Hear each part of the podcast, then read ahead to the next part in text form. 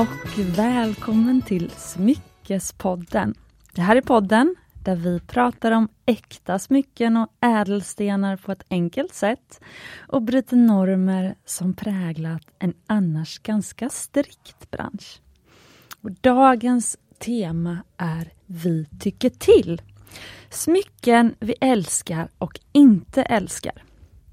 Och jag och min poddvän som sitter här, er smyckeskompis, vi har bestämt oss för att inkludera även ädelstenar i det här.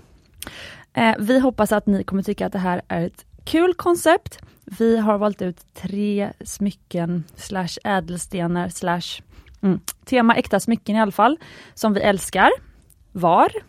Och sen har vi valt ut tre stycken som vi inte älskar var. Och så tänker vi att vi kör lite pingpong. Du ville ju att vi skulle döpa det här avsnittet till eh, Smycken vi älskar och hatar. Smycken vi hatar att älska och älskar att hata. Precis, och då sa jag att jag, nej men jag vill inte använda ordet hata, alltså det är inte mycket i livet jag hatar.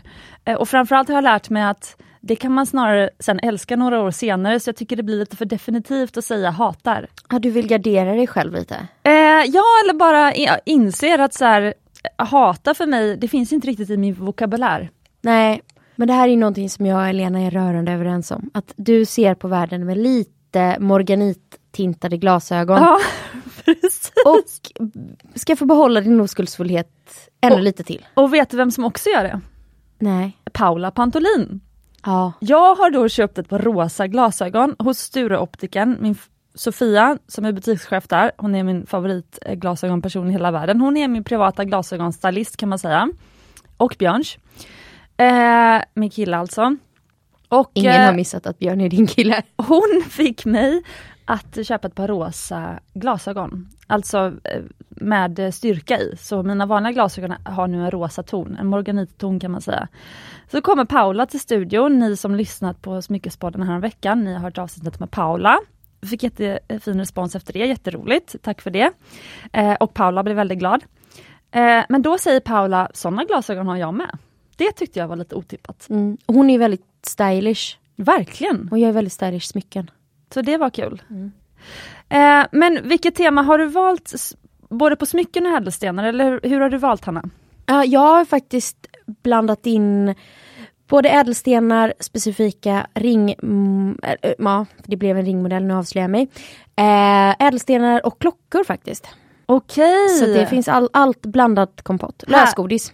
Ja härligt, jag har också en liten joker. Mm. Eh, sen har vi en lyssnarfråga på slutet, jätteroligt. Mm. Och eh, jag känner så här, ska vi köra igång direkt med huvuddelen Hanna och sen så tar vi det, vi kanske ska wrappa upp, typ du har en ny snygg ring på fingret som du köpte i Portugal. Mm. Ska, vi, ska vi ta det där på slutet? Vi gör så. Ja, eh, för annars kommer Martin här ute som ehm, är ansvarig för eh, liksom, eh, studiofördelningen här i poddstudion, podd, kommer bli arg för att vi kanske drar över. Så nu gör vi Martin glad och börjar med huvuddelen direkt. Vad säger du? Nu åker vi!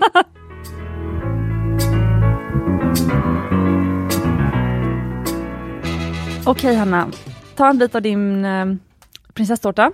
Den satt fast. Sjukt dramatiskt här. Ja. Och eh, så får du börja, vilken är din första som du älskar? Ja, ah, du börjar med det goda. Mm. Mm. Det här kommer komma kanske inte som en chock för någon, men alltså Bombay och domringar. Ju mer jag ser det, desto mindre tröttnar jag. Jag tycker att det är... Ja men det gör så himla mycket. Jag träffade en otroligt chic dam igår. Hon köpte en smaragdring av mig. Och den stackade hon med en bred gulddom som var från 70-talet. Eh, så här hög, tjock, bara plain. Och det blev så chict. Så att ja, nej men det är en sorg att jag inte äger någon själv. Så det här är egentligen bara, jag tänker att jag manifesterar nu, så ju fler gånger jag säger det, desto närmare kommer jag komma min egen domring. Men nu har jag en fråga. Någon som nu har börjat förmedla andrahandsmycken, hur vet man när det inte är dags att sälja? Du menar om man ska behålla dem själv? Precis. Och med man menar jag? Jag. Mm. Jag går ju in med inställningen att jag måste sälja allting för annars kommer jag från skäll från Pamela. Ja. Jag har intalat mig själv att det är så det kommer bli. Ekonomi-Pamela. Exakt. Eller så får jag köpa loss det själv. Sitta på det tillräckligt länge och faktiskt köpa loss det. Mm. Eh, för jag, ska jag aldrig sälja någonting så borde jag ju köpa loss det. För det är ju företaget som min privatekonomi är två olika saker. Mm. Så, så är det. Ja. Eh, men det kan lösa sig själv också för vissa grejer kommer kanske hamna så länge i lagret Mm. att du nästan adopterar det själv. Ja, då får man ju rea ut dem och så får man köpa dem själv, från sig själv rean. Who knows? Får man göra det? Du får fråga Pamela. Det vet jag inte men jag tänker att om man har försökt sälja någonting länge och det inte går och så sänker man priset, det går fortfarande inte. Då får man ju köpa det själv till det rabatterade priset. Ja, så, så kanske det är faktiskt. Mm. Väldigt intressant. Någon, någon ekonomiperson som lyssnar kan ju eh, eh, skriva in till DM också, kan vi medla i nästa avsnitt. Ja precis. Okej, men du sa ett roligt ord, du sa bombi. Bombi, alltså en domring är ju, en bombi är ofta bredare, ännu mer sfärisk. De är faktiskt inte efter bomber utan de är gjorda efter den här eh, retrodesserten Bombalaska.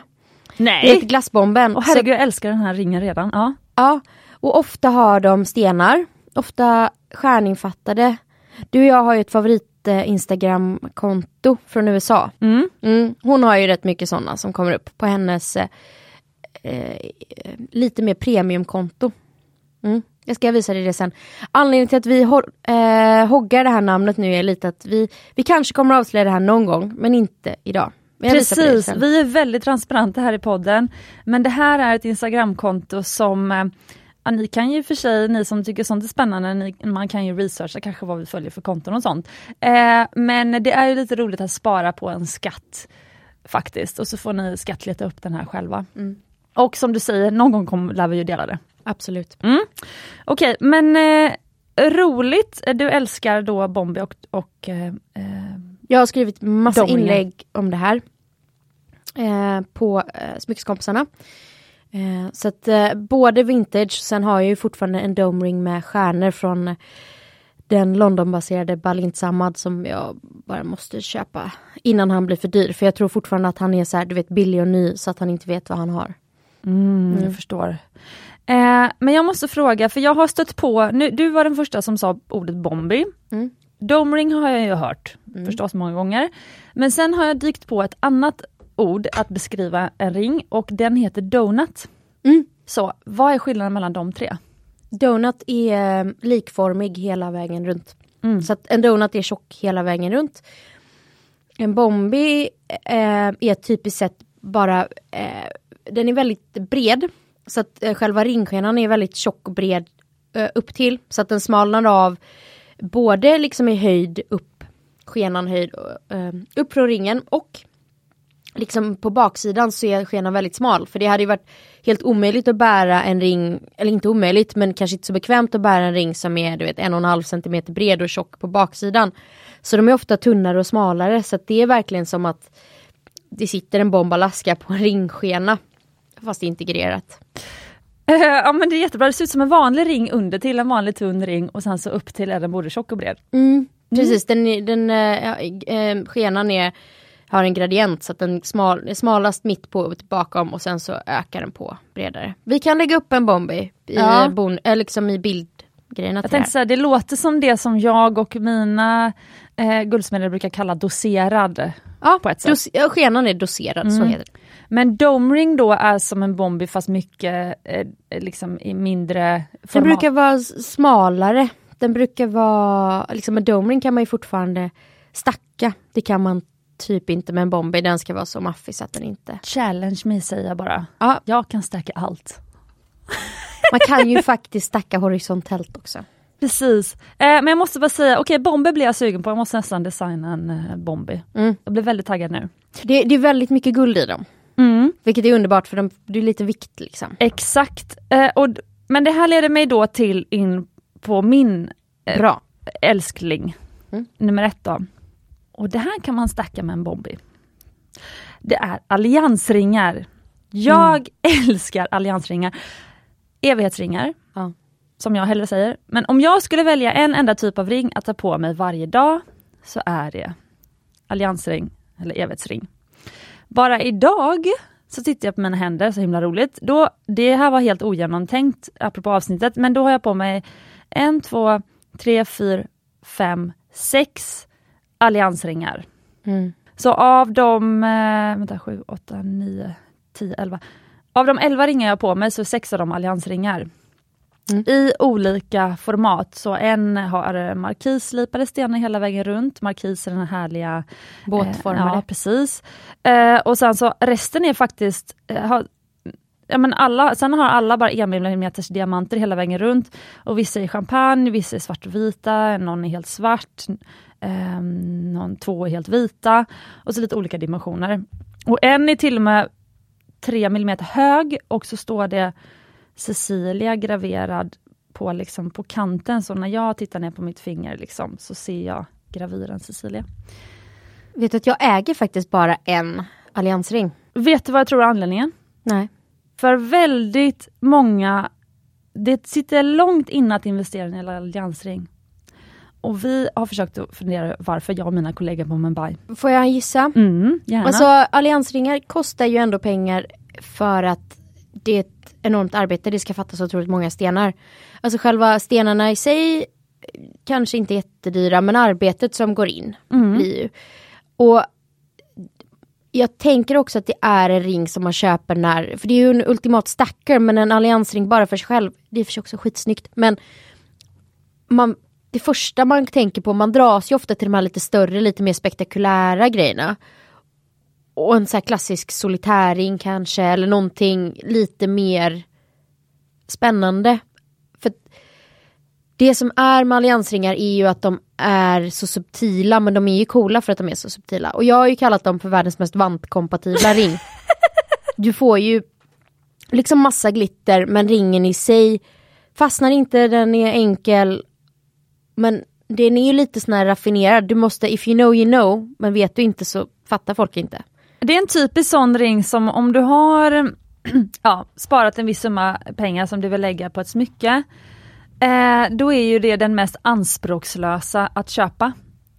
Det syns inte, det sticker inte ut, det är ingen som kommer säga oh wow vilken cool ring du har just köpt. Alltså, så du får inte den här liksom omedelbara liksom kicken. Ja, det är samma som det släta guldbandet.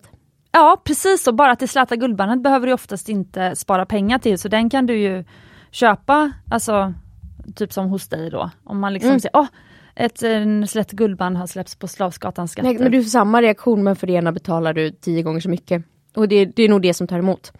Men jag ska ändå säga det, den alliansringen som jag har, jag har aldrig fått så mycket komplimanger för någon ring som jag får för den. Och det är Åh, väldigt vad många. roligt! Mm, den är ju um, regnbågsfärg så det sitter, man kan vrida på den så får man lite olika ton beroende på, för det sitter liksom fyra stenar, fyra stenar, fyra stenar mm. i safirer. Så den, det är väldigt många som tycker om den och den har jag fyndat vintage. Ja precis, den är jättefräck.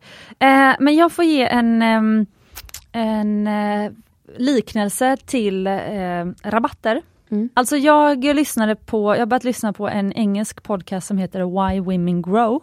Mm. Det är en författare som skrivit en bok som heter Why Women Grow och som en del i hennes eh, lanseringsmarknadsplan för Eh, den här, så har hon då intervjuat även i poddformat några av de kvinnor hon intervjuar i boken. Mm. Eh, och eh, då var det en som beskrev, Sarah Raven tror jag det var i hennes podd eh, i, i, intervjun med henne, och hon är ju en känd blomsterodlare i, i eh, England. Och jag hade massa, ingen aning om vem nej, hon var. Nej, nej, men hon säljer massa fröer och sånt. Men i England är hon väldigt känd i alla fall.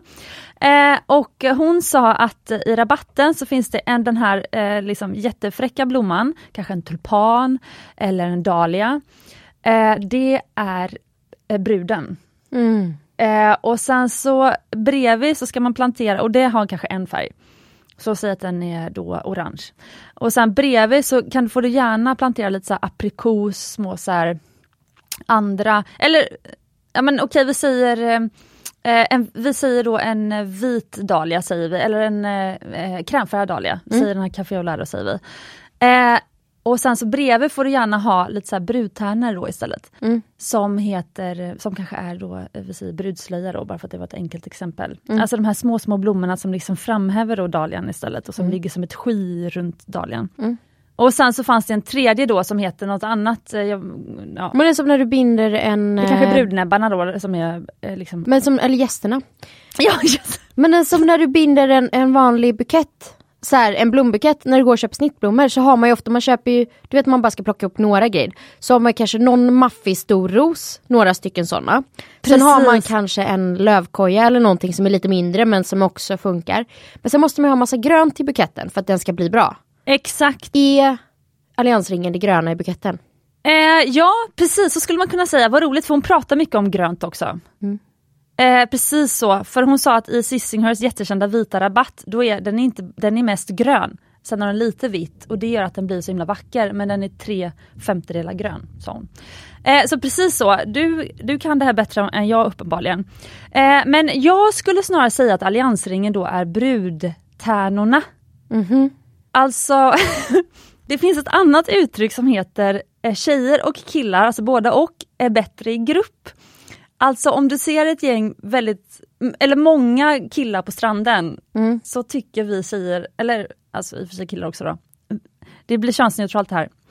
Eh, men i alla fall då tycker man att de är mycket snyggare än om man ser en och killarna, när man kommer närmare så är de inte lika snygga en och en. Och samma sak med tjejer, alltså tjejer i grupp är jättesnygga men en och en så är de tydligen inte lika snygga då. Alltså det finns en sån i raggning och sånt. Har du hört det här innan? Nej, men jag kan Nej. förstå det. Om vi tar tillbaka till smycken så kan jag förstå det. För jag har verkligen ringar som är så här, för sig själva, not so much. Men stackade i liksom ett sammanhang så blir de bra. Ja exakt och i alla fall alliansringen är som de här hjälparna, de gör liksom att alla dina andra smycken, typ som om jag tittar på dina händer nu, hade du haft några alliansringar, typ ett tunt, en tunn, tunt guldband på din, ditt pekfinger, högra pekfinger, då hade de två andra ringarna du haft där liksom, ja men det hade liksom lyft, det hade poppat, det hade liksom, Men det här är mitt stora problem i livet. Jag har otroligt många ringar som funkar till ringfinger, som är den storleken. För jag köper vintage och det råkar bli så. Sen har jag typ två eller tre ringar som funkar på lång och pekfinger. Så jag har väldigt lite ringar som funkar här. ja, Det är en sorg, för att mitt vänstra ringfinger är ju ockuperat av mina vigselringar. Så jag har egentligen bara ett finger att spela på. mm.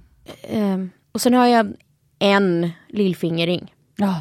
Så att jag, jag måste bredda mina... Ja, jättebra analys, kanske fler som känner igen sig. Mm. Men eh, jag får bara säga min sista grej då i hela den här harangen, det är att alliansringen i min värld just nu kan aldrig, man ska aldrig säga aldrig, men ni förstår, för att få fram poängen, kan aldrig vara bruden. Nej.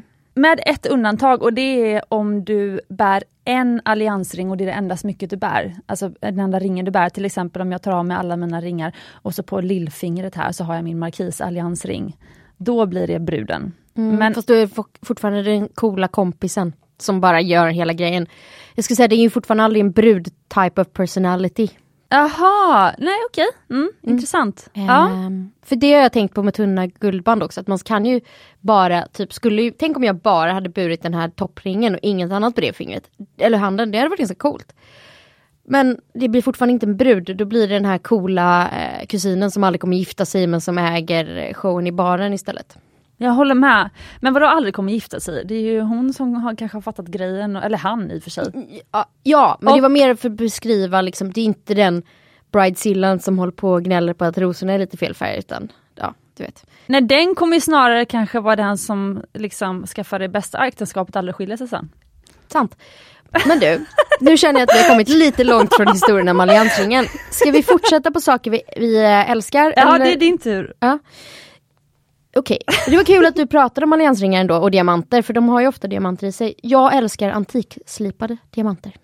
Ah, vad roligt. Mm. Mm. Så många moderna diamantsolitärer har ju en briljantslipad diamant. Det är en modern slipning, den är gjord för att den är liksom perfekt, den är symmetrisk, den är noggrant uträknad för att maximera glitter och sparkle och all that jazz. Sen har du ju eh, de extremt strama eh, trappslipningarna, typ en, en smaragdslipning som är väldigt geometrisk, ordnung, raka linjer och perfekt, där man får den här art deco-känslan. Sa du det på tyska nu? Ordnung. Ordnung. Ja. Det gjorde jag. För att verkligen emfasera. Men ordning och antikslipade diamanter är ju liksom lite ojämna. De, det var någon som satt och slipade dem vid ett litet ljus när man inte hade så här lasermätning och grejer. Så de är ofta lite ojämna, facetten lite sitter lite skevt. Och de får inte det här gnistret utan de får ett subtle glow. Vet du vad man brukar säga om antikdiamanter också? Nej. Att de, eh, de är menade att eh, komma fram som bäst i just då ljusets, alltså det här lite dunkla ljuset. Romantisk middag på lokala italienaren. Precis, för det var ju så de satt och slipade dem. Mm, precis.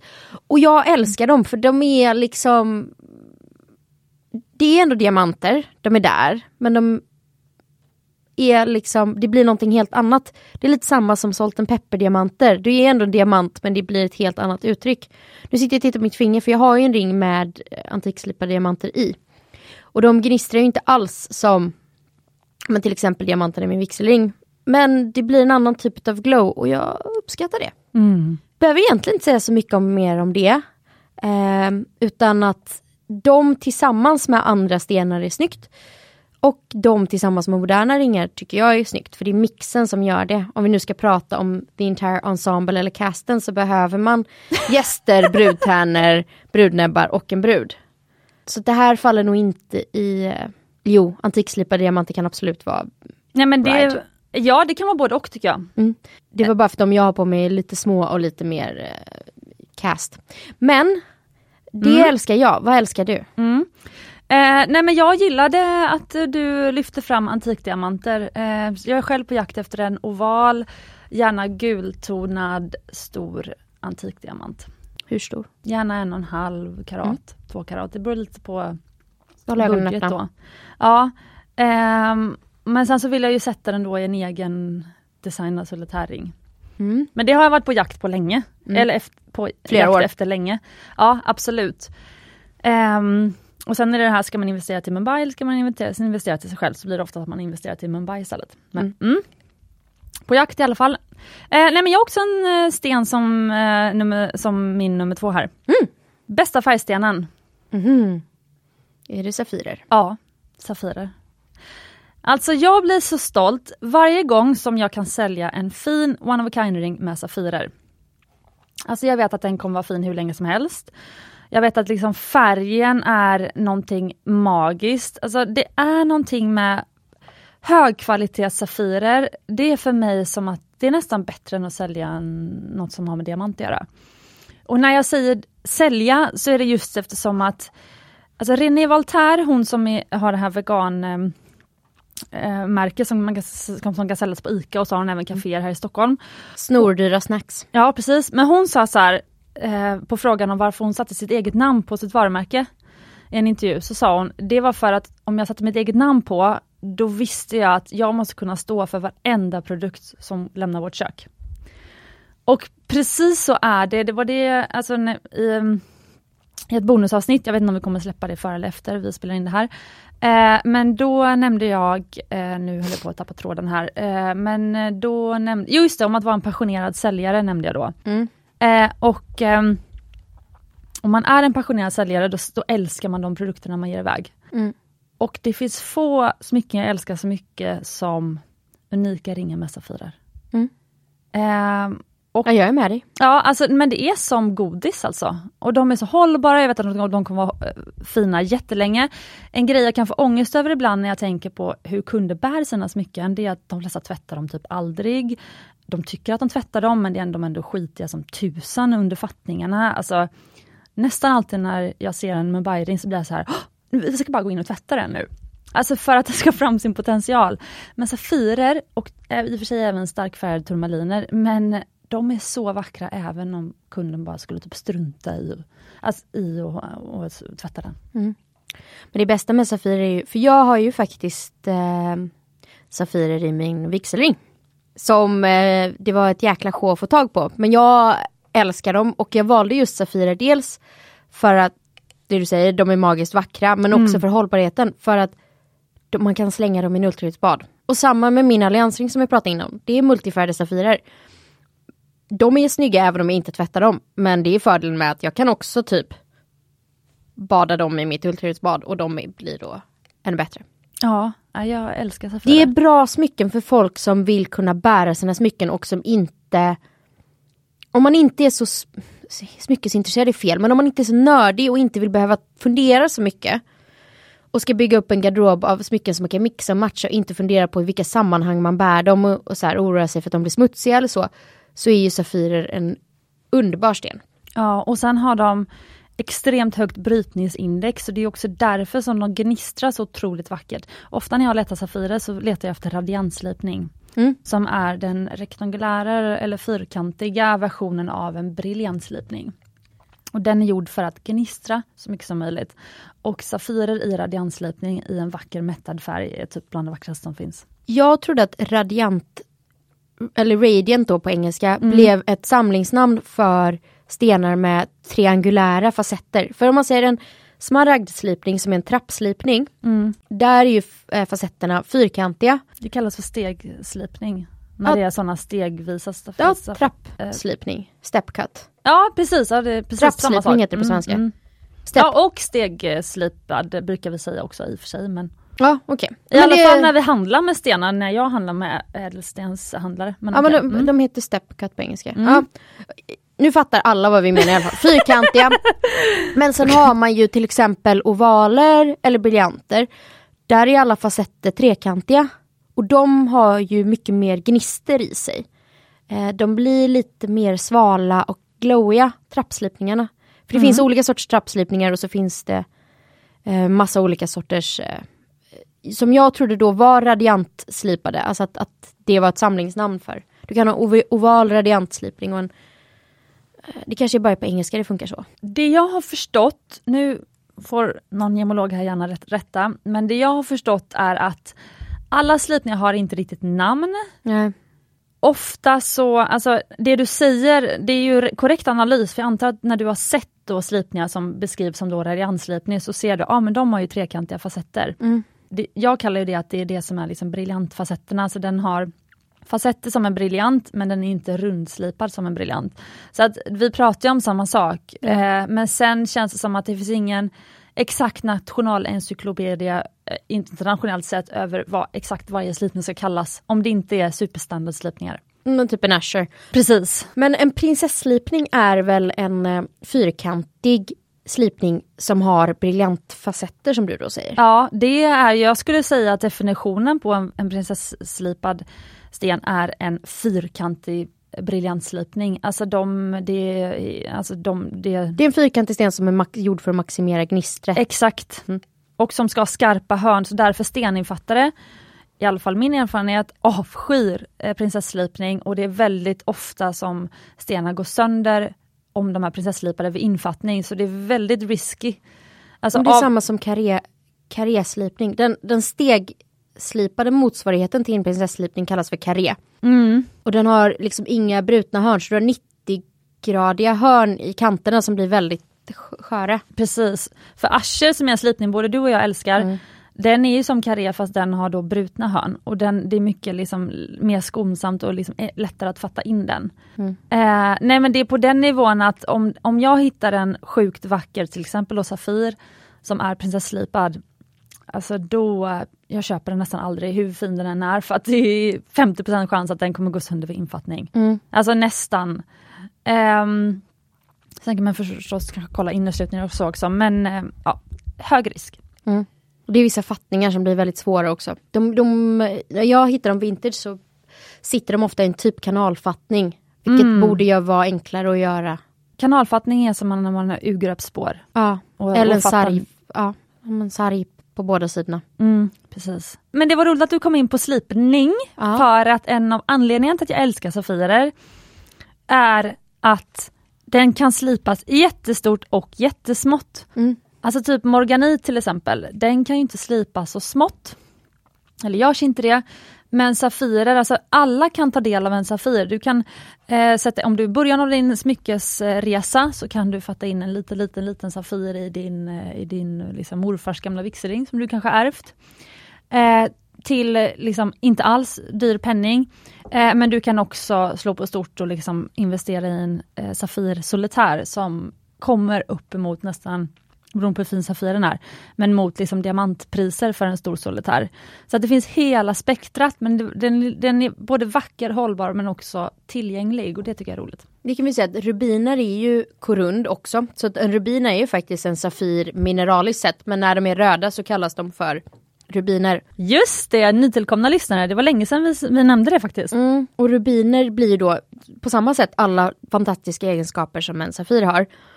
Men en riktigt fin typ burmesisk pigeon blood, det är en beskrivning på ett färg, det låter väldigt makabert men det är en fin, eh, riktigt Knallröd, röd ja. ton. Kan absolut vara lika dyr som en diamant. Mm. Och just för att den är, den har alla fantastiska egenskaper. Den är eh, väldigt ovanlig och den funkar liksom lika bra som en diamant i många sammanhang. Mm. Precis. Mm. Okej, din eh, tredje och sista älsk. Mm. Spännande hängen gillar jag. Så här, ingen har någonsin frågat någon om ett par vanliga guldkreoler. De är verkligen brudslöjan eller det gröna i buketten. Men ett spännande hänge är en bra conversation starter. Det är lite som du vet den här No good story ever started with salad.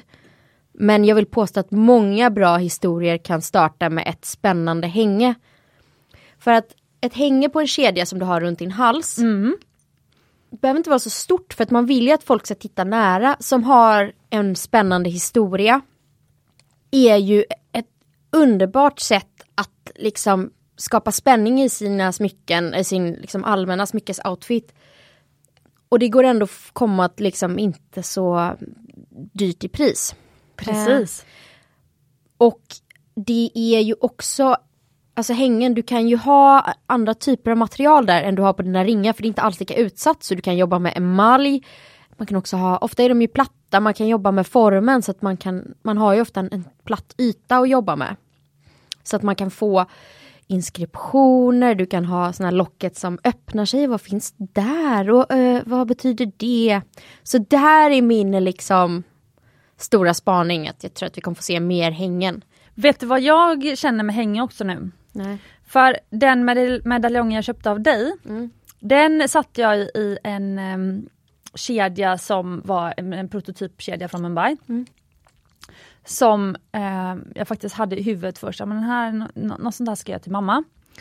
Eh, sen blev det inte mamma, eller den är inte färdig så det är fortfarande en prototyp. Mamma du kanske får ett halsband sen senare. Eh, men den gjorde jag då i alla fall lite längre. Mm. Så den är drygt 60 cm lång. Mm. Och hade jag gjort till mig själv hade jag liksom inte tänkt på att göra den längden. Nej. Och sen så har jag nu hängt den då i den här 6 cm. Och det som är så himla underbart med det, för jag har haft korta halsband i så många år nu.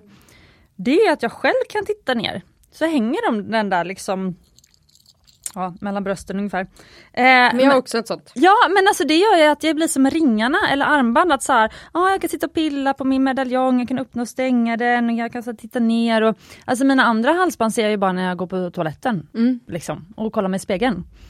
Eh, så att eh, hängen för mig har blivit liksom nästan lika personligt som ringar. Alltså i det att det känns som en kompis jag har med mig under dagen som jag kan så här, hålla i och pilla på så. Mm. Mm. Jag, har ju alltid, jag har ju tre väldigt personliga jag har ju då inte lyssnat på Jenny och, och valt olika texturer i min eh, neckmass. Jenny Fredriksson. Nej precis, mm. så att de trasslar ju sig. Men eh, det var det. Men jag har ju tre väldigt personliga och ganska quirky halssmycken som är väldigt olika. Men som alla betyder väldigt mycket. Eh, så att, och det får man ju också mycket frågor om och jag har ju en liten Pacman symbol, alltså den här seriefiguren. och det är väldigt många som frågar om det och börjar skratta. Alltså så på ett positivt sätt. Det är ingen som någonsin gör det mot mina guldörhängen. Ja berätta varför har du en Pacman symbol runt halsen? Jag fick den i julklapp av min eh, man. Eh, för han har en, eller vi antar jag, han har en båt som heter Pacman. Så en tävlingsbåt. Ja ni är gifta så du har också en tävlingsbåt som heter ja, Pacman. Exakt. Mm. Mm. Varför heter den Pacman blir följdfrågan då? För att när han köpte henne, dels är hon ljusgul. Alla båtar är kvinnor, för er som inte är båttillvända. Vilket... Utom lotsbåtar som är killar. Skämtar du? Nej. Men fartygen är kvinnor? Fartyg är ofta kvinnor. Arbetsbåtar, vissa sådana här som fraktar stora eh, om man säger betongbåtar och sånt är killar. Men, och lotsbåtar. Men generellt sett så är alla andra båtar kvinnor. Mm -hmm. Alltså Finlandsfärjan heter ju typ Daniela, Mariella, Cinderella. Brudarna på havet. Mm. Exakt. Äh, men så hon, heter Pacman. Eh, för att hon, var, hon är ljusgul och sen hade hon i början på vardera sida om ruffen, det är liksom överbyggnaden, stora runda fönster. Som var eh, liksom Pacmanformade och ganska fula. Eh, de är bortspacklade och stängda nu, utbytta. Men Mm, Okej, okay. och så åt hon upp alla sina motståndare. exakt. Mm, fattar. Okej, rolig grej. Ska, då går jag vidare. Mm, din tur. Nu, jag funderar på om jag kommer göra dig besviken nu. Mm. Men alltså jag hade så svårt att komma på den tredje och ehm, som sagt jag ser ju världen ganska Mm. liksom glatt och så. Och eh, det är mycket som jag älskar. Eh, och så funderar jag så här, ah, men jag älskar diamanter också, jag älskar det här och jag älskar, alltså det är så mycket jag älskar. Mm. Och sen blev jag bara så här, nej men alltså det jag älskar mest med äkta smycken, om vi är inne på det temat, Mm. det är ju att det gör folk så glada. Mm. Och det har jag också upplevt själv nu när jag själv handlat då från dig. Alltså det var ju väldigt länge sedan jag handlade äkta smycken från någon, om jag ens har gjort det någon gång innan jag... Jo, det var när jag, när jag eh, bodde i Indien och var på Sri Lanka så har jag handlat äkta smycken till mig själv på, på Sri Lanka och i Indien. Och då fick jag också samma känsla. Men eh, sen startade jag Mumbai och sen dess har jag inte handlat från någon annan förutom nu när jag handlat från dig. Mm. Och då har jag liksom kommit på nu, jag har fått uppleva det som, det som vi alla upplever när vi köper äkta smycken. Och det är den här lyckan och glädjen och att det, det är som kärlek. Alltså min, alltså min relation med Björn är så mycket bättre nu än den var i början. Alltså jag älskar Björn. Alltså det är som att kärlek växer och bara blir större och större och större och större. Det är som en sån här moln som bara liksom expanderar och så känner jag med äkta smycken också. Jag älskar liksom den här medaljongen mer nu än när jag köpte den. Och när jag köpte den var jag, då skrek jag rakt ut Åh gud vad fin! Mm. Så, så här, det är så himla häftigt med det vi jobbar med. Och, och lite kan jag känna så här, för nu har jag på mig en en eh, lång By Malin Birger-kofta som jag köpte i början av eh, hösten. Mm. Nu är det ju liksom sista mars, det är ju eh, snöväder fast Snöstorm.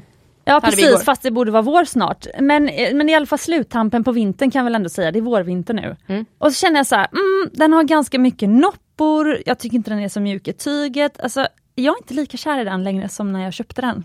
Mm. Och så är det inte med smycken. Nej. För de får inte noppor. Men jag kan verkligen, jag eh, kan verkligen så här kashmirtröjor som man älskat, sen så börjar de bli se lite dassiga ut och då får de ligga där och man bara "Mm, nej, jag tycker inte om det. Liksom. Men sen, man kan ju eh, kamma noppor. Ja. Men sen någonstans så blir de ju worn and torn och tyget liksom nöts ner lite granna. Sen måste jag säga, det finns en otrolig tillfredsställelse i att arbeta ut plagg och att så här, liksom, ge ett plagg liksom till återvinningen och bara det här har jag använt upp. Det finns en otrolig tillfredsställelse i det. Slita ut ett par jeans tills de är liksom faller i bitar. Precis, Mm. och måste klippa dem tätt på shorts. Exakt. Ja, nej men så att det känner jag med äkta smycken jag måste få med det nu i Mm. det här älskar avsnittet. Varför skulle jag bli besviken på det här? För att du bra. var lite luddig. ja, okej. Nej, däremot så är jag lite stressad. För Ja. vi har mycket på agendan. Ja, Så jag kommer att raskt gå vidare till Du sa att jag inte fick säga hatar, men jag kommer göra det ändå. Men du sa din tredje, just det, det var jag som var sist. Precis. Mm. Jag Ja. hatar opaler. Oj! Mm. Det var starkt. Ja. Varför? De ser ut som plastiga Barbie-smycken. Mm. Och sen är det ju som med allt, det finns undantag som bekräftar regeln. Jag har hittat typ två opaler som jag bara, oh, det där var fint. Men, men jag var i Portugal nu och hälsade på min mamma Ah. och så var vi inne It's i, a story to it.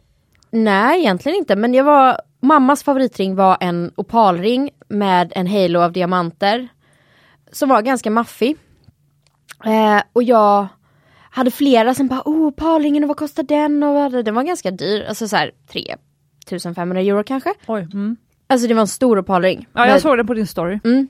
Och jag bara så här, typ nästan kväll ner i munnen. Jag tycker verkligen inte om det.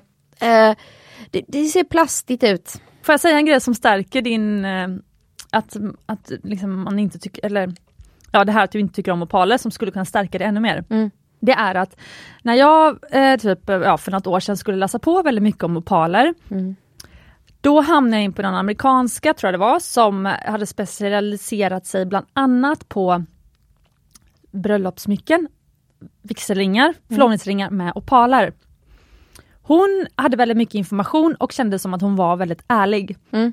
Det hon sa var att ja, räkna med att du behöver byta ut din opal ungefär vart sjunde år. Mm. För de kommer inte hålla så länge. Nej. Så där kan man snacka om en äkta ädelsten som verkligen blir worn and torn. Och där kärleken kanske inte växer med tiden faktiskt. Mm.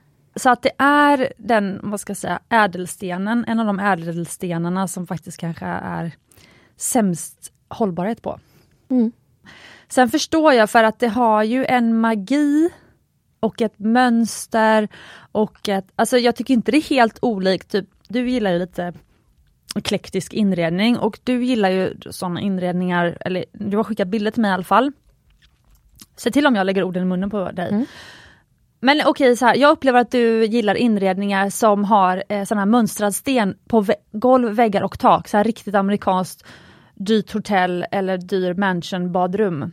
Där det är en mönstrad sten som är, liksom, handfatet, duschen, allting. Känner du igen det? Du, det är väl marmor bland annat men det kan ju vara and du rynkar på näsan. Nej, jag håller inte med. Har jag tror att du pratar om terrazzosten och det uppskattar jag verkligen men skulle jag vilja ha det på alla ytor? Verkligen inte. Nej, okej men de här Architectural Digest och sånt som de lägger jätteofta ut eh, bilder på den här typen av Men det är bara att de har en bold sten men de har inte den på alla ytor. Okej, men då gillar inte du det och då tänkte jag bara det kanske är därför i så fall som du inte gillar op eh, opaler för de har ju också den här spräckliga ytan. Det jag ville komma till i alla fall var att det som gör att folk gillar sådana flashiga badrum med mönster, eller flashiga kök, eh, köksöar med mönstrad sten överallt. Som jag känner så här, åh herregud jag blir nästan stressad. Eller det blir psykedeliskt. Det kanske är anledningen till att de också gillar opaler. För att det kanske är någonting med det här mönstret, det här annorlunda, det här in your face. Jag vet inte. Jag kanske fladdrar ut nu. Men jag, ja, jag vet inte. Men jag, nej, opaler inte min grej. Nej, okay. Min mamma älskar det, men jag gillar inte. Nej. Vad tycker du inte om? Jag eh, har ofta svårt för, ledsen att säga det, men spineller. Mhm. Alltså det är kalla, mörka toner. Eh, varje gång, det känns som att stenhandlarna sitter på så mycket spineller som de aldrig blir av med. De vill alltid visa upp de här spinellerna. Det är alltid så här kallt rosa eller så blårosa, kallt grå, kallt blått. Eh, Så mörkt, dovt, svårt att hitta skimmer i det. Och så vill de alltid visa upp de här stenarna först för att det är väl, som jag misstänker, ingen som vill ha dem. Så de sitter på de här lagren och eh, blir inte av med dem och eh, eh, jag blir inte heller av med dem för att jag får ju se dem då. Eh, alltså hela tiden höll jag på att säga. Eh, nej men alltså att, eh, nej men så att spin, och för spineller, det som hände i början av eh, min Mumbai-karriär, då köpte jag in några spineller. Men jag blir ju inte av med dem heller för Jag att, har en av dem. En Lucy i silver med en blågrå spinell. ja, men den är ju lite varmare, den är, det är en sån fin. Men Det den blev en- du inte av med. Det, det var ju därför så den hamnade hos mig. Ja, exakt. Mm. Men då har jag ju ändå valt ut den, så att jag tyckte den var fin. Men du förstår ju, det är svårt med spineller och det verkar vara många med mig som tycker det. Ja. Nej, jag, jag gillar ju spineller, men jag kan hålla med om att de blir lite mörka. Men jag kommer säga någonting som är ännu mer outrageous. Vet du vad jag inte tycker om? Nej. Halo på ringar. Oj! Det finns få saker som jag tycker är så fult som en diamantvixelring med en halo runt. För att? Eh, Det ser basic och plottrigt ut. Det ser ut som att man inte haft råd med en större sten och försöker låtsas som att det är någonting det inte är. Äger, äg den mindre stenen istället. Och sen ofta så tycker jag att fattningarna är klumpiga och fula. Alltså det finns, det måste, det finns bra fattningar. Och jag kan absolut tycka att vissa stenar, typ du har en grön stor trappslipad turmalin som har en liten halo och där lyfter det. Ja, jag tänkte precis fråga om det gäller bara när det är diamanthalo på diamant, rund diamant, en stor diamant. Jag tror att det blir värre när det är ljusa stenar. Typ en morganit med en halo. Ehm, nej, jag gillar det inte. Eh, Men du skulle ju inte ha morganiten då? Jag ska inte säga, jag skulle kunna ha det med svärtat silver till exempel. Mm, fint. Ja. Ehm, så det beror lite på. Jag gillar ju Pad Parasha som är faktiskt lite morganittonat. Nej men jag, eh, och det, det, det som enda som är värre än en halo är en dubbel halo. ja. Så att nu har jag kommit ut, inte halo. Mm. Okej, då har jag, jag kom på vad jag inte gillar. Ja. Tack för inspirationen. Jag gillar inte när man satt briljanter, alltså små runda stenar, i fattningar som ska se ut som något annat. Ah, när Typ- man sätter dem så att de ser ut som navettslipade istället. Typ. Exakt, navettslipning är samma som markisslipning. Så många ringar, Ja. alliansringar, är liksom, har den här båt, ehm, Mm. båtfattningen, eller ja, båtformade fattningen som en eka. Och så i där så sitter det inte då en markisslipad diamant som den är gjord för. Utan där sitter en liten briljant. För Om man kör ju- en trompe-l'œil, alltså en eh, trick of the eye. mm, och vet du varför? Nej. För att det är billigare. Ja, det är typ eh, en tiondel av priset att köpa en briljant mot en markisslipning. Vilket är anledningen till att markis, eh, riktiga markis, alltså alliansringar till exempel om en markisslipning är mycket, mycket dyrare. Men sånt tycker jag är ful design, det är inte dålig design för det är snarare bra design att man lurar ögat. Mm. Jag tror jag sa det här tidigt, tidigt, tidigt poddavsnitt och då tror jag att jag sa att jag tyckte det var en dålig design men nu har jag ändrat mig, jag tycker det är en väldigt smart design. Men jag tycker det blir så här fake it and you will not make it. Den kommer aldrig bli en riktig markisslipning. Den kommer för alltid vara en briljant i en markisslipning. Eller i en markisfattning. Alltså jag har ju haft eh, en smaragdring som jag sålde som var karréslipade smaragder och briljant eh, slipade diamanter. Och de satt ju i liksom rund, de hade en rund skena ut på. Och där fick man lite en, Hur menar du? men jag får visa en bild. Aha. Nej men eh, där fick man ju, den var ju, den fattningen eller den formen gjorde ju att det blev en, liksom en litet annat visuellt intryck av de här runda. I där i kanterna sitter det ju briljantslipade. Ah, Mm. okej men nu visar du, det är den senaste ringen från Skatans skatter. Mm. Jo, men jag säger i och för sig, där säger jag som Caroline Lina och Victoria, när det gäller vintage och gammalt, Mm. då är ju allt okej. Alltså då accepterar de ju till och med syntetiska rubiner för att det tillhör en viss tidsera. Mm. Alltså om man inte, alltså, alltså jag tycker det är två olika saker och som sagt det är ehm, det är ehm, ehm, en smart design. Men det jag måste beskriva nu ringen, det är alltså en, ett band som bara har stenar uppe på så det är ett guldband liksom på undersidan i handen och sen så är det stenar det man ser ovanpå på handen och då är det fem gröna smaragder i fyrkantig slipning. Och sen är det ett gäng solfjäder infattade briljanter. Mm. Eh, Och eh, smaragderna är fattade på, på tvären så att de ligger liksom som romber så att det nästan blir som ett harlequin-mönster uppe på. Precis, och mellan då sitter de här solfjädrarna eh, inkilade och i solfjädrarna så är det infattat diamanter. Och Mm. det finns ingen som heter solfjäderinfattning, det var jag som kallade den det för jag tyckte att infattningen såg ut som en solfjäder. Men det blir väldigt, eh, det blir liksom en scalloped edge heter det på engelska som, som små blomblad kanten. Men ska jag vara helt ärlig, jag tror inte det finns en, man hade nog behöv, måste sätta en vit eh, briljant i de här solfjäderformarna för att det finns ingen solfjäderformad fattning. Eh, sten En- menar du? Det finns det men de är ovanliga och de är specialslipade. Jo, jo, men det, är alltså, det ska finnas en marknad för det också. Alltså Ja. ehm, att specialslipa diamanter, så, ja, men det tror jag blir Ja, väldigt inte, svårt. inte, inte den här typen. Nej, men det är det. Så du tycker inte om fattningar, fula fattningar, eller inte fula fattningar, fattningar som försöker få briljanter att se ut som någonting annat. Eh, nej, precis. Eh, men det finns en till anledning till det, men vi kanske inte hinner ta Nej. det. Ehm, Så jag har en, min sista då som jag Ja. inte gillar. nej. Mm. Och det är Cartier Panthère. Din favoritklocka. What? ja, överskattad. Fruktansvärd. Varför? För att här varianten Santos är så jädra mycket coolare. Jag liksom förstår inte hypen. Det liksom, nej jag vet inte. Men alltså du ska vara så androgyn tycker jag då. Kan du inte bara få valt kvinnlig? Det är ju en kvinna som är designad för en kvinna. Allt annat var designat för män. Mm. Och det är nog faktiskt sant. Jag har extremt svårt för klockor. Jag har lärt mig att uppskatta och det här måste jag shouta till min klockkompis Sanna på Kaplan. Så att vi båda har tagit oss ganska långt i vår resa. Så jag var faktiskt och provade en Santos. En vintage Santos, samma som Jonas hade nu när jag var i Portugal. Som jag fortfarande funderar på att köpa för att jag tror att det är en bra investering. Som bara var 29 gånger 29 millimeter vilket är väldigt litet i förhållande till de klockorna jag brukar ha.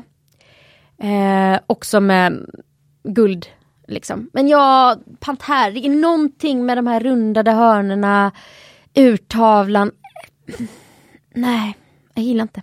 Ja, men jag börjar nog förstå mer och mer ditt eh, klockintresse. Alltså för jag gillar, gissar att du till exempel inte gillar Georg Jensens eh, Nej, den var jag vet inte ens vad jag kommer glömma. Ja men det är den här som är som en kaff. Ja, som är som en kaffe, ja, precis. Mm. Eh, blank, elegant. Mamma hade den när vi var små och den låg alltid på hennes nattduksbord. Jag tyckte den var så cool. Och så var Sorry Agneta, men det är inte min grej. Hur har hon på sig den, tänkte jag alltid. Um, mm. Men uh, nej, du precis, för min slutsats är då att du uh, Alltså, du kanske gillar det här att du, du, du får vara en del av den liksom maskulina... Alltså, du får utlopp för din maskulina sida i klockvärlden. Mm. Kan det vara så? Jag vet inte, jag har ju generellt sett en ganska stor aversion. Det finns ju tjejskidor. Ja, och jag har alltid av princip inte köpt dem för att tjejskidor är då lättare, inte lika styva, inte lika så långa som herrskidor. Vilket betyder, och typiskt sett så är styvare och längre betyder dyrare. Så det är mer performance. Så att den bästa tjejskidan är ungefär som en mellanstyv herrskida men du betalar lika mycket för tjejskidan som för den dyraste herrskidan men du får sämre performance. Nej, så man hade lika gärna kunnat gå på en, en mellanmjuk herrskida. Och sen så har de alltid, någon, bara för att det är tjejer så är de alltid lila, det är skimrande, det är blommor, det, det är liksom är det supertöntigt. Så jag tror att det här är djupt rotat i mig. Men vet du vad jag känner? Eller förlåt, avbröt jag dig? Nej. Jo, för jag sitter här och ja, du kollar på din klocka. Vi ska hinna med lyssnarfrågan sen också. Mm. Det är bra. Um, du litar inte på att jag kan hålla tiden? Nej. Bra. Um, men jag tänkte bara säga, för att ibland kan jag känna här och säga att jag är liksom eh, försvararen av, av, det, av liksom det kvinnliga, eller mm. det här manliga och kvinnliga. Um, för jag tycker det är så synd nu att man nu liksom allt ska vara så mixat. Men det jag kan känna i det här, för jag känner det nu när du pratar om de här skidorna. Jag älskar att framhäva kvinnligt mjukt, alltså det om man tänker att det kvinnliga traditionellt har varit eh, förknippat med mjukt och fluffigt och liksom sådana grejer. Jag älskar att lyfta det som liksom en styrka, som något fint, som något starkt. Och därför så liksom gillar jag att fortfarande liksom separera manligt och kvinnligt för att jag, det kan bli sur över är när men ta bara som i, i röstcoachning som Halina delat med sig av ett tidigare poddavsnitt. Alltså om du ska få mycket pondus på ett möte så ska du prata som en man. Sänka din röst, mm. uh, använda magstödet. Alltså att prata som jag gör är inte särskilt, eh, vad heter det, sådär, eh, ingen tyngd i det. Men jag håller med dig i de här aspekterna. Men det är mitt problem är, jag tror att jag är skadad av liksom alla mina sportgrejer, är att tjej, typ Sail Racing är ett seglarmärke deras mm. tjejkollektion som är anpassade för tjejers mått, vilket är superbra för vi har olika kroppsform. Där är dragkedjorna sämre än på herrgrejerna, de är inte lika vattentäta. Förfärligt! Ja, så det finns liksom inte motsvarande jacka för herr och för dam, utan damvarianten är någon slags gå på kajen-jacka medan killarna får den här vattentäta funktionella jackan. Och då blir man ju, alltså topplocket kan ju flyga för mindre. Ja, verkligen. Och, och jag tror att det är det. Men mm. sen är det, det är någonting, jag dras, jag gillar industriella saker också. Och Pantären är väldigt mjuk. Och herrvarianten Santos är lite mer edgy och jag gillar det. Mm. Jag respekterar det. Så det, jag ska visa dig bilden på den klockan sen, den var superfin. Eh, men nu måste du säga det sista du inte gillar för sen ska vi gå på en lyssnarfråga. Sen ska jag säga, jag älskar Santos på Jonas Felixson. Min favoritklocka. Eh, jo, det jag inte gillar är att intresset för äkta smycken är så lågt i Sverige. Mm. Det gör det svårt att skapa innehåll kring det och prata om det. Det gör det svårt att sprida budskap. Alltså jag jämför nu med Trädgårdsmässan Nordiska trädgårdar som är nu i helgen. Den är gigantisk. Eh, alltså det hade, jag tycker det har varit så kul att få prata på ett större plan om smycken och den mässan vi hade för smycken, mm. den eh, finns inte längre. Alltså tänk att så här, skriva bok, föreläsa, alltså prata på TV, vad sjutton som helst, i radio. Det är intressant för klockvärlden har ju det här, de har ju världens ja! största klockgrej och man flyger in journalister, man betalar för flygbiljetter och hotell bara för att det är invite only. Så typ sådana som mig då, hybris. Nej men i klockvärlden motsvarande flyger in flera dagar i Schweiz bara för att det är en så stor grej. Ja men det är så himla tråkigt. Och det är ju otroligt fint ni som skriver in att Smyckespodden är så bra och så vidare. Och då kan jag känna så här, ja men det är ju för att det inte finns någon annan podd. Så jag bara hoppas att, alltså jag väntar ju på mina första dåliga eh, här recensioner när folk ska säga, ja men Cecilia svamlar för mycket, hon är ingen bra poddhost. Och hon har... Hanna avbryter. Cecilia eh, kategoriserar. Ja, men alltså jag bara känner så här, tänk vad fint om det hade funnits flera poddar, flera mässor, eh, flera liksom sammanhang att prata och träffas liksom, eh, och läsa om smycken och höra om smycken. Och det tycker jag är så tråkigt att det liksom, jag tolkar det som att smyckesintresset i Sverige är för lågt. Jag vet inte. Nej men jag hade en eh, smyckeskompis som är smed, eh, också guldsmed, hon heter Malin och hon, hon ställde ut en fråga till sina följare bara varför, jag fattar inte varför alla influencers bara håller på med billigt krafts och skit, varför kan de inte Relevant! Ja, uh, och då sa jag att ja, men problemet är väl att deras målgrupp är inte så köpstarka att säsongsbaserat om man ska få någon att spontanköpa någonting så är det enklare att sälja volymer av smycken för 1500 spänn än för 15 000. Ja, men hon, det finns ju, Sofie Farman har ju varit brand ambassador för Tiffany. Så det finns ju den typen av grejer. Men jag vet inte, smyckesmärken, vi får samlas kring det här och lyfta oss själva. Ja, vi mm. får uh, hitta på något. Mm. Kanske ska börja med en smyckespoddträff. Mm. Ja. Mm. Ska vi gå på lyssnarfrågan? Ja, nu har vi kanske tre minuter för den här lyssnarfrågan, sen måste vi eh, lämna poddstudion. Mm. Det står så här, Hej, jag har följt er ett tag och tycker verkligen att ni gör ett superinspirerande jobb. Jag är lite nyfiken på hur ni jobbar, samarbetar ni med andra? Jag är också lite intresserad av att besöka evenemang slash annat som är relaterat till smycke eller hållbart mode. Har ni någon koll på sånt som händer 2023? Hälsningar Anna. Det var ju väldigt relevant, apropå mm. det vi just pratat om. Verkligen, det var nästan som att du planerade det så. Ja, fast det var det inte. Nej, jag trodde det. Nej. Um, för jag, jag hade fått se frågan innan. Ja, smycken och hållbart mode, det var ju faktiskt Antikmässan. Uh, för vintage, och där var ju en del vintage-smycken för typ tre veckor sedan. Så den har ju varit. Men jag måste säga, förlåt, men typ för mig så har inte det med smycken att göra. Men okej, okay, för att det är ju mest tavlor, eh, antika möbler och så vidare. Alltså då har man ju klumpat ihop smycken med något annat. Men förlåt, nu har Ja men det var antika smycken, så att antikviteter. Det är samma som att det kommer alltid med, Carolina får ju alltid prata om något vackert smycke i, i varje program av Antikrundan. Ja men det är ungefär som att säga att, eh, ja nej men vi gör någonting för så ni som gillar in... Oj, titta här var min timer, förlåt.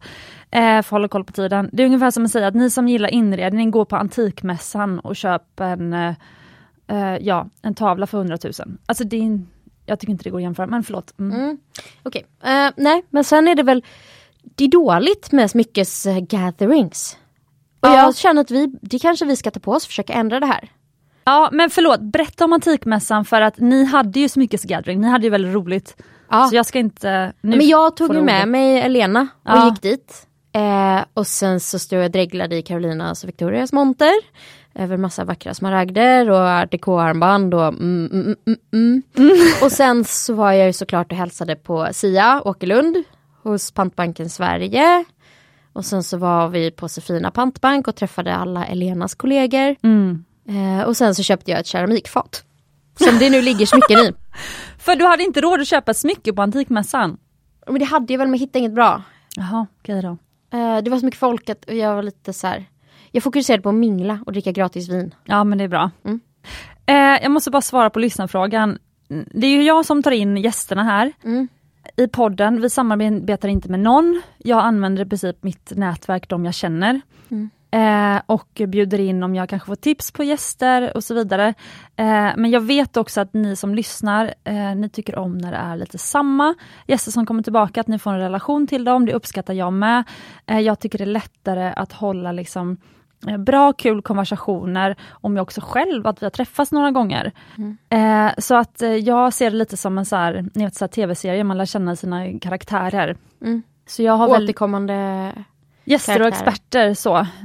Um, och sen så det enda, på en, det enda sättet som liksom jag bedömer gästerna är att, um, jag menar att jag tycker att det finns något värde eller kunskap eller inspiration de kan förmedla. Men det är intressant att du tolkar frågan så, för jag fick se den och jag var så här, eh, jag funderade på om det var samarbete typ gällande innehåll. För det är väldigt mycket du som styr, men när man har varit med några gånger så eh, då innan vi sätter oss i poddstudion så delar ju du ofta ut så researchansvar. Ja. Så, så samarbetar vi att vi hjälps ja, åt precis. att göra research. Ja, ja exakt. Ja, ja exakt. Det var ju precis exakt så. Fint att du tolkar frågan så. Så så samarbetar ju vi som pratar med varandra. Det är ju inte så att vi inte pratar mellan poddinspelningar. Nej, är precis. Mm. Nej, för jag tolkar det som om hon undrar om, vi, om det är köpt innehåll, men det är aldrig köpt. Nej.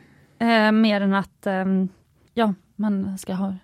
Ja, och vi som är med får ju någonstans göra reklam för vår egen verksamhet på så sätt. Så det är inte köpt men det är ju svårt att inte prata om det man gör om det är smyckesrelaterat. Ja men liksom. jag tänkte säga man har köpt mitt hjärta. Ah. Alltså jag tar inte med någon jag inte tycker Nej. om såklart. Nej, eh, eller så. Eh, det är väl, eller man, man vill ju arbeta, det är ju samarbete, man vill ju arbeta med dem man tycker om, mm. antar jag. Eh, har du någon koll på något som händer 2023? Nu har vi en minut så måste vi ut ur studion. Eh, smycken eller hållbart mode. Du sa i och för sig antikmässan, den har varit. Mm. Och det har ju för sig, det är väl hållbart, inte mode men inredning. Ja, precis och återbruk. Mm. Nej jag vet faktiskt inte, men vi kanske får styra upp det här. Ja, eh, men precis det här med event med smycken, det kanske blir vi som får ordna det. Jag vet att Caroline och Victoria har en del smyckesevent. Mm, just det. Eh, jag och Fanny har varit på ett. Ja precis, på Palm, då samarbetar de med Palmgrens som gör lädervaror på Östermalm. Mm. Så att eh, lite sånt finns ju. Mm. Eh, men du som lyssnar, skriv gärna in och om du ordnar något event som du vill att eh, eh folk, eh, eh, Smyckespoddarna ska veta om. Smyckespoddens lyssnare skulle ha glädje av att veta om, då får du jättegärna skriva in. För som sagt, vi sprider gärna ordet om ditt event. Mm. Ska vi säga så? Ja. Eh, då säger vi tack så mycket för att du lyssnat. Hoppas du tyckte det här var ett kul koncept. Om du har något mer som du vill att vi ska tycka till om. För det här var ett ganska roligt avsnitt att spela in tycker jag. Vad tycker du? Mm. Mm? Jag, jag funderar på hur det kommer låta sen när, det, när vi får lyssna tillbaka och se om vi fladdrar ut för mycket. Ja, det kommer vi göra. Ja. Eh, men tack eh, kära lyssnare för att du står ut med oss. Eh, det är så himla kul att du är med, att du skriver in. Eh, pratas mycket med dina kompisar. Ha tema på nästa tjejmiddag, älskar älskar inte. Eller killmiddag. Eller parmiddag. Skatmiddag. Skatmiddag. Eh, precis så heter det, exakt. Och eh, ha en riktigt härlig dag och glöm inte att du förtjänar äkta smycken och ädla stenar. Och stort tack Hanna för att du kom hit. Tack.